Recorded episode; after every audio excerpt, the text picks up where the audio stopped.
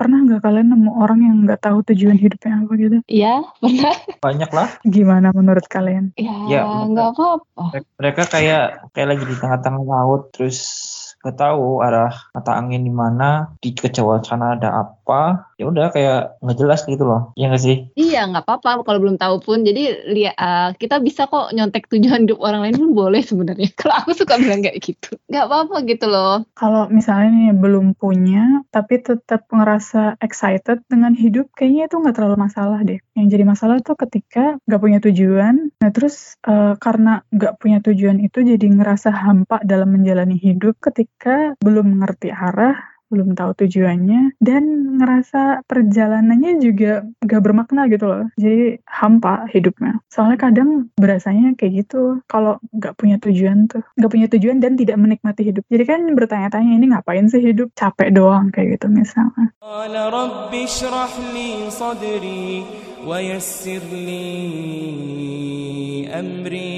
صدري ويسر لي أمري واحلل عقدة من لساني يفقه قولي Ovalibrium, ngobrol santai seputar Islam, sains, dan ilmu sosial bersama Reni dan Lily.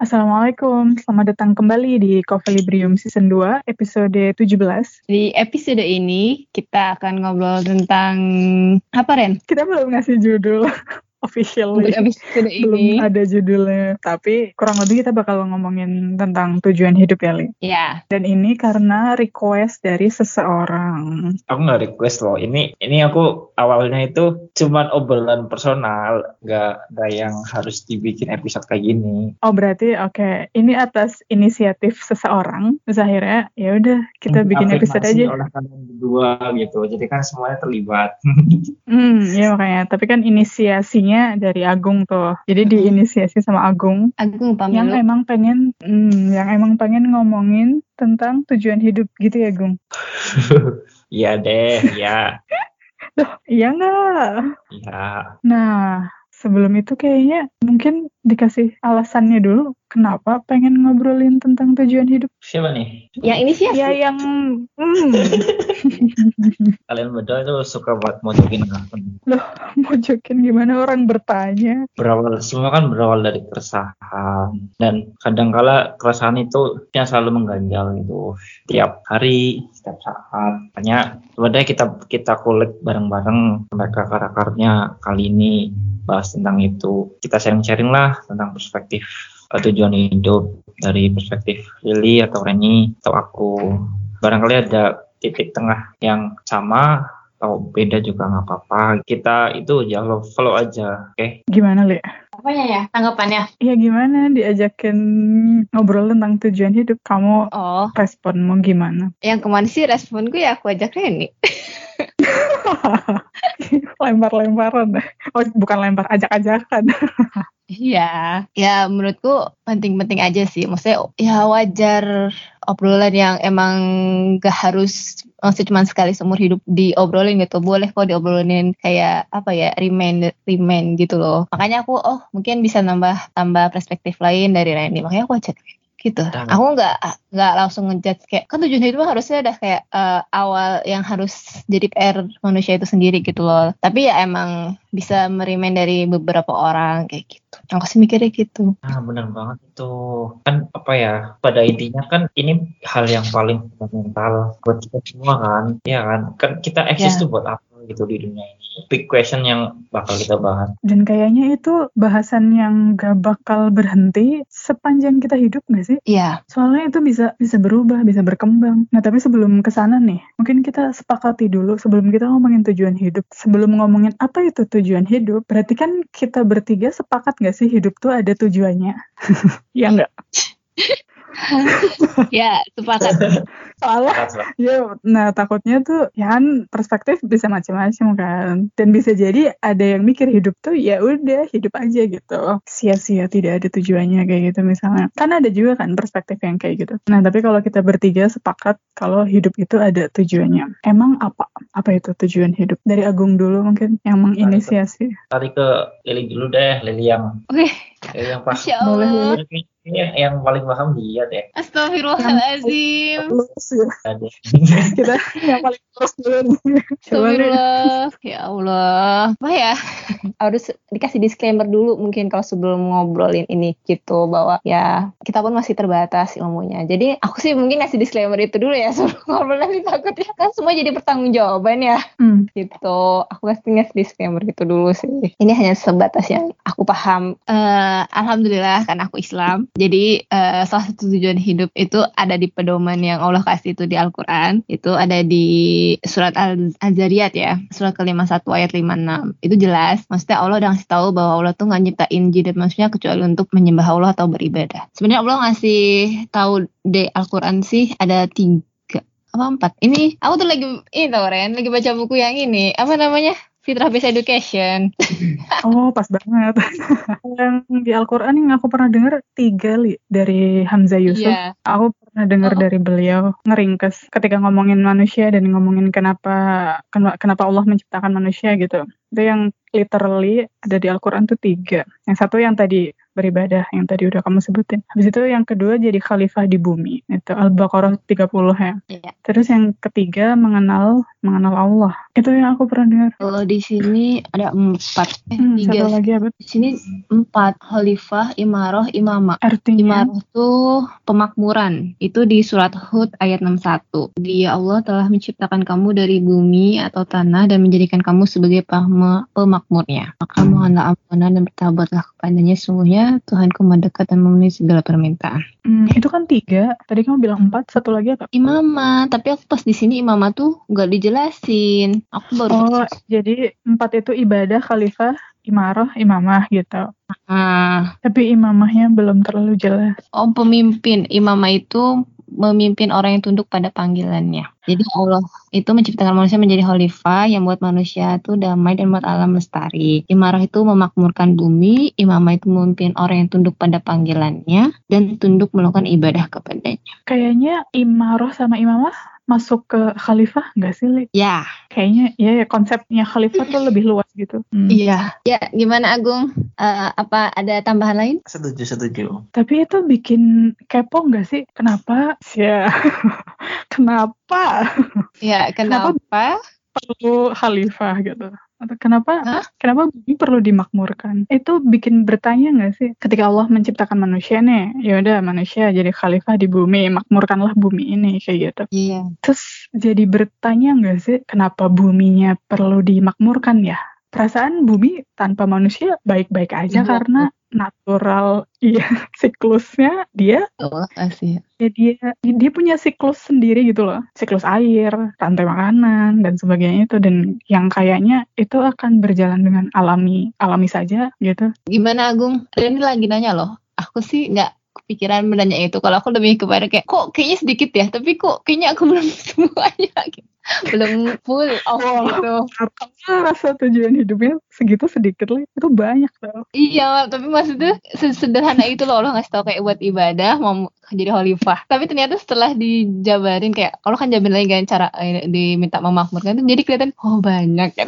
tapi kayaknya Banyak. Allah itu kan ya sederhana satu itu. kata gitu ya satu Iya, kata gitu ya ibadah tapi ternyata khalifah. maknanya maknanya kompleks banget Tuh, kalau aku pengen kayak gitu.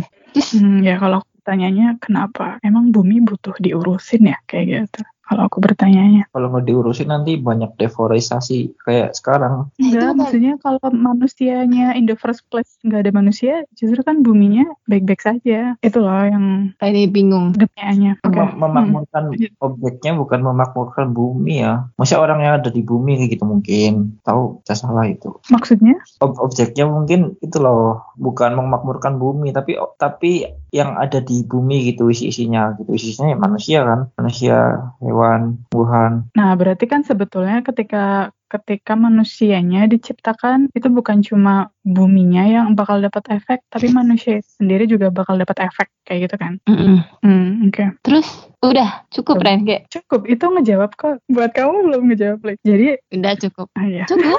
Akan kembali ke manusianya kan? Iya, jadi tuh ya memang jadi ya kita turun ke bumi terus kan kita berkembang tuh.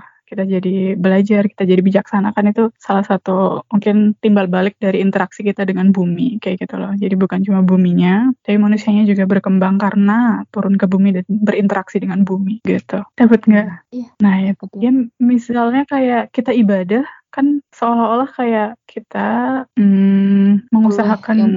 Nah itu, tapi kan sebetulnya ketika kita ibadah, itu nanti balik lagi ke kita gitu kan. Nah konsep memakmurkannya juga ternyata kayak gitu. Kayak kita ngejaga bumi, nanti efeknya balik lagi ke kita. Termasuk sisi yang sebaliknya, kalau kita ngerusak bumi, ya nanti efeknya juga ke kita. Hukum hukum alam. Iya timbal balik. Sebab dan akibat.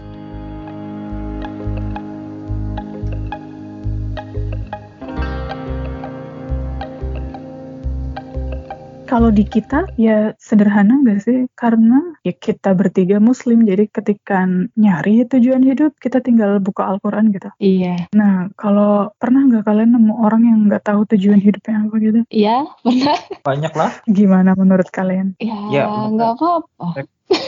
Mereka kayak kayak lagi di tengah-tengah laut terus nggak tahu arah mata angin di mana di kejauhan sana ada apa ya udah kayak nggak jelas gitu loh ya nggak sih Kalau untuk yang Agung yang tadi hilang arah, ya mungkin ketika ada orang yang belum tahu tujuan hidup, ya mungkin dia eh, satu antara dia cuek atau abai, atau dua emang dia emang masih kebingungan gitu loh. Maksudnya ini terlalu banyak nih sinyal-sinyal gitu. Gimana ya? Maksudnya tujuan hidup itu bisa lewat dari orang yang, aku kadang analoginya ini sih. Ada nggak sih ada yang yang kamu fans eh, suka gitu loh. Ada nggak sih yang kamu eh, kayak orang kamu kagum gitu. Jadi bisa kita dari orang yang kita kagum, kita lihat tujuan hidupnya apa gitu. Jadi kita follow. Jadi kita ketika belum tahu ya kita follower dulu aja gitu. Jadi follower dulu dari orang yang kita kagum. Jadi kita tahu nih yang kita kagum ternyata dia punya tujuan. eh, kenapa sih dia ngelakuin itu? Jadi akhirnya kita sering bertanya-tanya dan berefleksi. Terus akhirnya kita tanpa sadar mungkin perlahan dikasih sinyal-sinyal sama Tuhan kayak gitu kalau aku sih gitu. Jadi ya nggak apa-apa kalau belum tahu pun. Jadi lihat eh, kita bisa kok nyontek tujuan hidup orang lain pun boleh sebenarnya. Kalau aku suka bilang kayak gitu. Nggak apa-apa gitu loh. Kalau misalnya nih belum punya, tapi tetap ngerasa excited dengan hidup, kayaknya itu nggak terlalu masalah deh. Yang jadi masalah tuh ketika nggak punya tujuan, nah terus eh, karena nggak punya tujuan itu jadi ngerasa hampa dalam menjalani hidup, itu bikin trouble nggak sih? Dalam arti mungkin arahnya bisa ke negatif. Misalnya nih kayak nggak tahu arahnya mau ke mana, tapi di sepanjang jalan tuh nemu orang yang asik buat jadi temen kayak gitu misalnya, atau nemu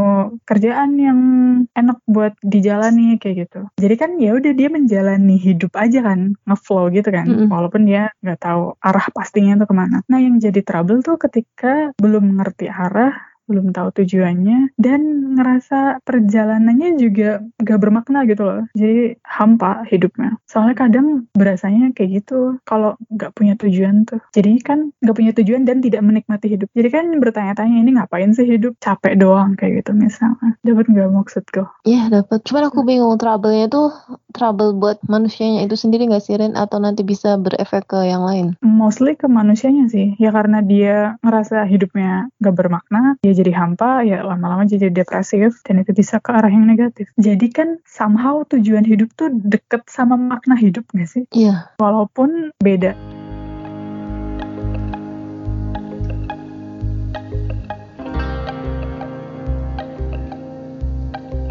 Sebenarnya gampang gak sih ketika nanya emang khalifah gimana sih? Ya kita lihat Iya. aja Rasulullah gak sih? Iya. Kalau aku lihatnya khalifah selain lihat Rasulullah tuh ini kita sebagai sederhana bermanfaat buat orang lain gak sih? Dan aku kepikirannya tanggung jawab. Abis itu juga ada hadis kan Rasulullah bilang setiap diri kita itu adalah pemimpin. pemimpin untuk untuk diri kita sendiri Ya, aku kepikirannya itu sih. Dan di balik memimpin itu ya Allah pengen apa sih yang bisa kamu tanggung jawabkan dari apa yang Allah kasih. Ustaz Noma juga bilangnya gitu. Bedanya iblis dan man- manusia itu bedanya tanggung jawab. Emang iblis nggak bertanggung jawab? Bukan bukan nggak bertanggung jawab di dirinya dalam arti Iya. dia kan tetap bakalan ngedapetin hasil neraka, dari ya. perbuatannya nggak sih? Mm-mm. Maksudnya ketika Allah kasih ini Loren, aku sih paham ceritanya kok kayak gitu ya. Bertanggung jawab tuh dalam arti ini nggak sih ketika Apa? ngelakuin kesalahan ya kita aware dengan kesalahan itu dan minta maaf dan menyesal dan nggak mengulangi kayak gitu. Kalau iblis kan pas dia ngelakuin kesalahan dia nyalahinnya orang lain. Kan waktu iblis dikeluarin dari dari surga, iblis bilang engkau menyesatkanku kayak gitu. Oh iya iya Engkau iya. itu iya. Allah. Gitu. Iya, jadi iblisnya nyalahin Allah ya gitu. Tapi kalau Bisa. Nabi Adam, Nabi Adam tuh minta maaf gitu. Mm-mm. Dia take the blame gitu loh. Itu mungkin ya sense of responsibility-nya. Iya, terus tuh waktu itu tuh Ustaz tuh bilang apa namanya? Waktu itu pakai cerita sih ya, mungkin jadi aku inget. Nabi Adam itu manusia yang eh, beliau tuh nggak tahu apa-apa, tapi Allah tuh tahu apa pun kan di sini. Tapi walaupun nggak tahu apa, tapi ya itu Nabi Adam tuh mengajarkan tentang detek yang kayak Rini bilang, walaupun dia diuji kayak apa pun, dia tetap bertanggung jawab gitu loh terhadap apa yang Allah kasih. Walaupun sebenarnya dia tahu nih Allah tuh udah tahu gitu. Gimana sih Ren? Iya, maksudnya sebetulnya kalau mau pakai logika ya Li, Harusnya dia bisa tindakannya ini iblis kan? tuh logis. Hmm, tindakannya iblis Iya, tuh logis. Ya memang logis. Allah yang nyiptain, ya Iya. logis buat nyalahin gitu. Mm-mm. Tapi bukan itu poinnya gitu loh. Ya. Itu itu keunggulannya Ya. Nabi Adam eh, dibandingkan iblis pada saat mereka sama-sama dikeluarin. Iya, karena Tapi- mengakui kesalahan tuh bukan Berat. yang gampang tuh. Hmm, berat tuh ngaku salah dan minta maaf itu enggak gampang. Ya malu, yang rasa bersalah. Berarti pas lebaran Ya, kemarin kecewa, punya plusnya dong. Kan Tapi ada lebaran kita, Idul Fitri. Ya kan sense sense of kesalahannya nggak segede itu. Kamu pernah ngelakuin kesalahan yang gede banget gitu? Iya. kalau Setelah sama siapa ini sama Allah Nah. ya banyak sih.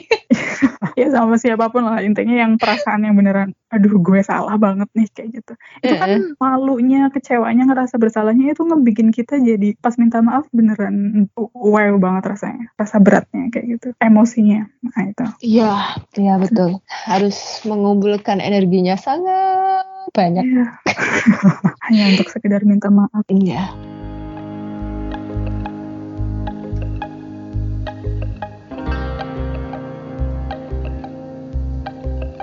aku jadi pengen nanya batasan ibadah tuh gimana sih? Soalnya aku bahkan ngerasa ketika kita lagi diskusi tentang sesuatu yang let's say bermakna atau tentang ilmu kayak gitu, buat aku itu juga ibadah loh. Bahkan sesederhana makan itu juga ibadah. Nah, jangan-jangan pemahamanku soal ibadah yang gak beres nih atau gimana? Ini nih aku punya satu definisi kemarin Oke, dapat sih. gimana? Ah, tapi aku lupa ya ini riwayatnya siapa lagi? Aku nggak aku tulis ya.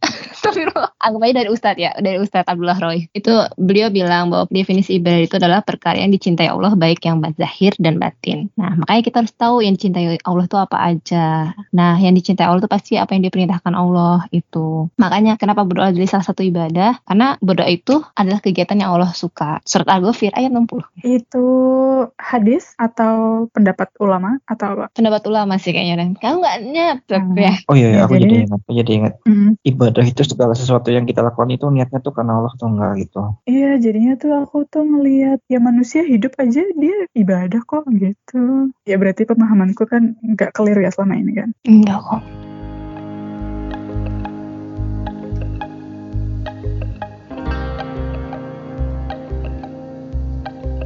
Pernah nggak kalian ngerasa kayak ngerasa jauh dari tujuan hidup kalian gitu? Dan baliknya tuh susah banget itu ke arah situ. Pernah nggak? Kalau aku lebih ke bukan tujuan hidup sih, tapi lebih ke makna hidup. Aku pernah jauh banget dari makna hidup, tapi terus akhirnya ya balik lagi sih. Ntar dulu coba deh, tujuan hidup yang Agung maksud tuh yang kayak gimana Agung? Yang dua tadi. Iya, Nggak kan berarti kayak jauh dari ibadah sama jauh dari menjadi khalifah gitu kan. Misalnya let's say. iya. Kalau aku tuh nggak pernah ngerasa itu, aku tuh lebih ke ngerasanya ibadahnya kehilangan makna. Label khalifahnya aku nggak ngerasa itu worth it. Aku pernah di posisi yang kayak gitu. Itu menurut kalian gimana? Kalau aku sih ngelihatnya itu kehilangan makna. Karena ya jadi hampa gitu misalnya. Ketika ibadah yang harusnya bermakna terus jadinya nggak bermakna, ya jadi hampa. Atau peran khalifahnya yang tadinya wah ini sesuatu yang worth it untuk diperjuangkan kayak gitu. Terus akhirnya ini poinnya apa ya kayak gitu. Lebih ke itu sih kehilangan maknanya. Tapi bukan Betul. bukan yang berhenti dari beribadah atau bukan yang berhenti dari menjadi khalifah. Jadi tetap ngelakuin. Jadi tujuannya tetap ditempuh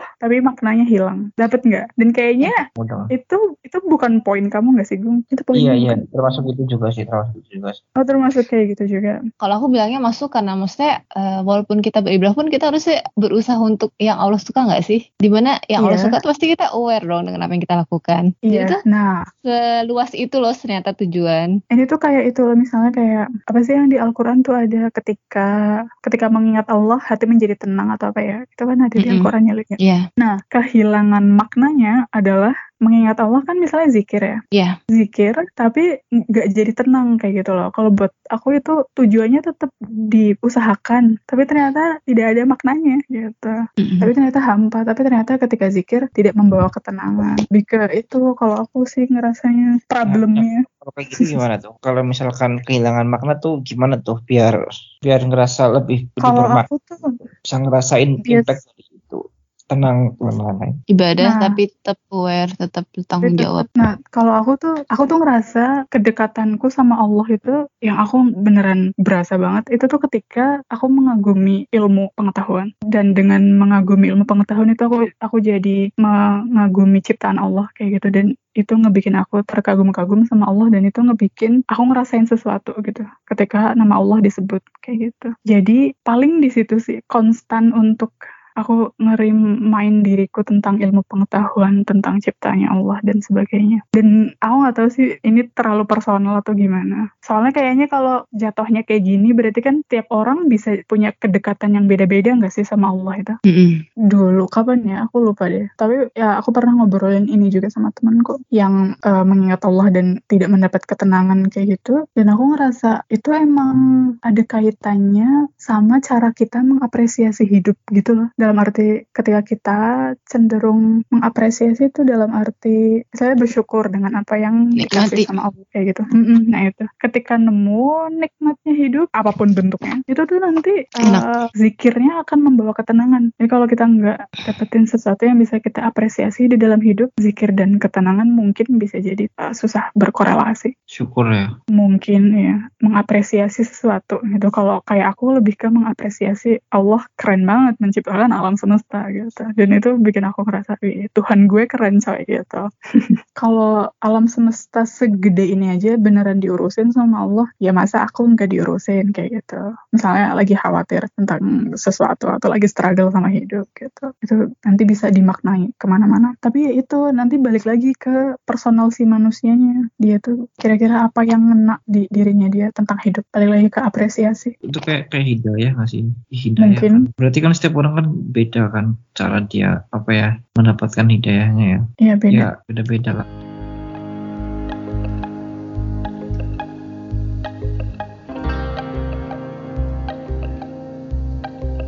Kalau Agung nanya pasti setiap manusia menurut aku pasti pernah deh jauh kondisi jauh dari tujuan. Ya karena kita manusia gitu loh. Kita bukan malaikat yang gak digoda dengan setan dan iblis. Paling pertanyaannya jauhnya mau kayak gimana? Mau sampai balik ke arah kah? Atau cuma jadi istirahat kah? Atau berusaha melawan dengan tertatih? Kan semua eh, kayak yang bilang semua pilihan kita. Ketika kita dikasih ujian, dikasih tahu nih sama Allah. Setan tuh akan goda loh dari depan, belakang, samping, bawah gitu kan. Kita dikasih pilihan, kita mau ngikutin kah? Atau mau tetap berpegang teguh? Tuhan semua dikasih pilihan. Dan ketika kita pun akhirnya tersesat, terseret pun, ya Allah pun pasti ngasih ini kok. Dan Arah. somehow itu dibutuhkan gak sih? Aku sih ngerasa itu itu Iya, perlu, bukan berarti Ya. disengaja.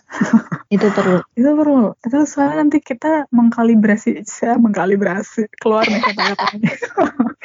itu dari situ kita kayak menghitung ulang atau mengevaluasi hidup gitu loh. Itu cara kita. Kita Verifikasi makin tahu Ren. tahu. Apa? Verifikasi bahasanya itu Oh, jangan verifikasi. ulang. Ya udah pernah memverifikasi. verifikasi. Verifikasi, oke. Ini nih yang bermakna buat aku. Oh ini caranya biar aku lebih lebih apa sih lebih lebih dapet, lebih ngena. Itu bagian dari perjalanan hidup. Kalau aku rasanya ketika kayak Randy bilang, emang iya jadi kayak dibutuhinnya tuh kayak ini ujian juga loh gitu loh. Selain kamu berbuat dosa juga ini sebagai ujian kamu mungkin bisa jadi kalau kamu melewati ini mungkin bisa di hari kemudian kamu bisa melewati yang lebih besar. Kita tuh juga lucu tau manusia tuh. Kenapa gitu? Pembelajaran paling efektif buat kita adalah dengan metode kesalahan. itu Iya, pembelajaran paling efektif.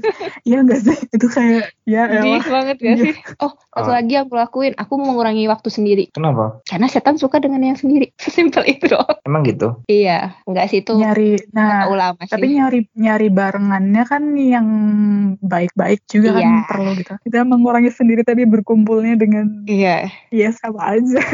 kita Ya udah. berkumpul yang mendekati tujuan kita lah. Ya, kita kan udah paham tujuan kita apa. Tahu ya, udah tahu dan paham insya Allah. Nah itu itu kan berarti juga sesuatu yang berharga nggak sih Li? Kumpulan-kumpulan ini nih. Karena bisikan-bisikan itu akan lebih kuat kalau sendiri. Atau setidaknya ya Hmm. Allah tuh ngasih hidayah dalam bentuk malu kalau barengan orang. Kan malu itu hidayah ya, ya nggak sih? Walaupun mungkin katanya, kok jadi nggak ikhlas sih? Maksudnya gitu. Kok karena ada orang lain. Ya tapi nanti ya rasa keikhlasan tuh ya Allah yang pupuk, yang bantu gitu loh. Aku sih ngerasa kayak gitu. Jadi ya ikhlas Follower dulu. orang itu dengan orang Allah gitu. Kan nanti lama-lama menemukan maknanya sendiri. Mm-mm. Makanya jadi ikhlas. Bahkan aware kalau butuh untuk balik itu juga permulaan yang Hidayah bagus kok. Iya, orang yang aware tuh kayak lebih bagus ya daripada yang enggak, sama sekali. Jadi kan dia tahu apa kesalahan dia ketimbang orang yang melakukan kesalahan tapi dia tidak tahu kesalahan dia itu apa. Iya, ignorance. Karena kesadaran itu nikmat. Kita bisa bersyukur itu adalah syukur juga gitu loh. Ulama tuh Imam Syafi'i sih kalau nggak salah bilang bersyukur itu nikmat. Tapi sebenarnya nikmat yang lebih besar adalah nikmat kita bersyukur bisa bersyukur itu. Nikmat paling gede emang bersyukur sih benar sih. Meta syukur. Iya meta Bersyukur syukur. tentang bersyukur. Iya betul kayak gitu meta syukur. Masya Allah ya ulama dulu ya kepikiran. Iya kan orang-orang zaman dulu memang lebih bijaksana.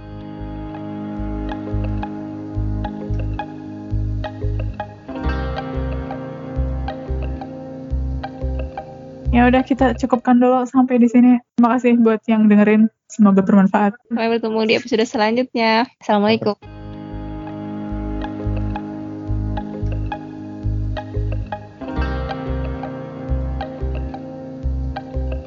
Kovalibrium, sebuah konsepsi Demi eksitasi.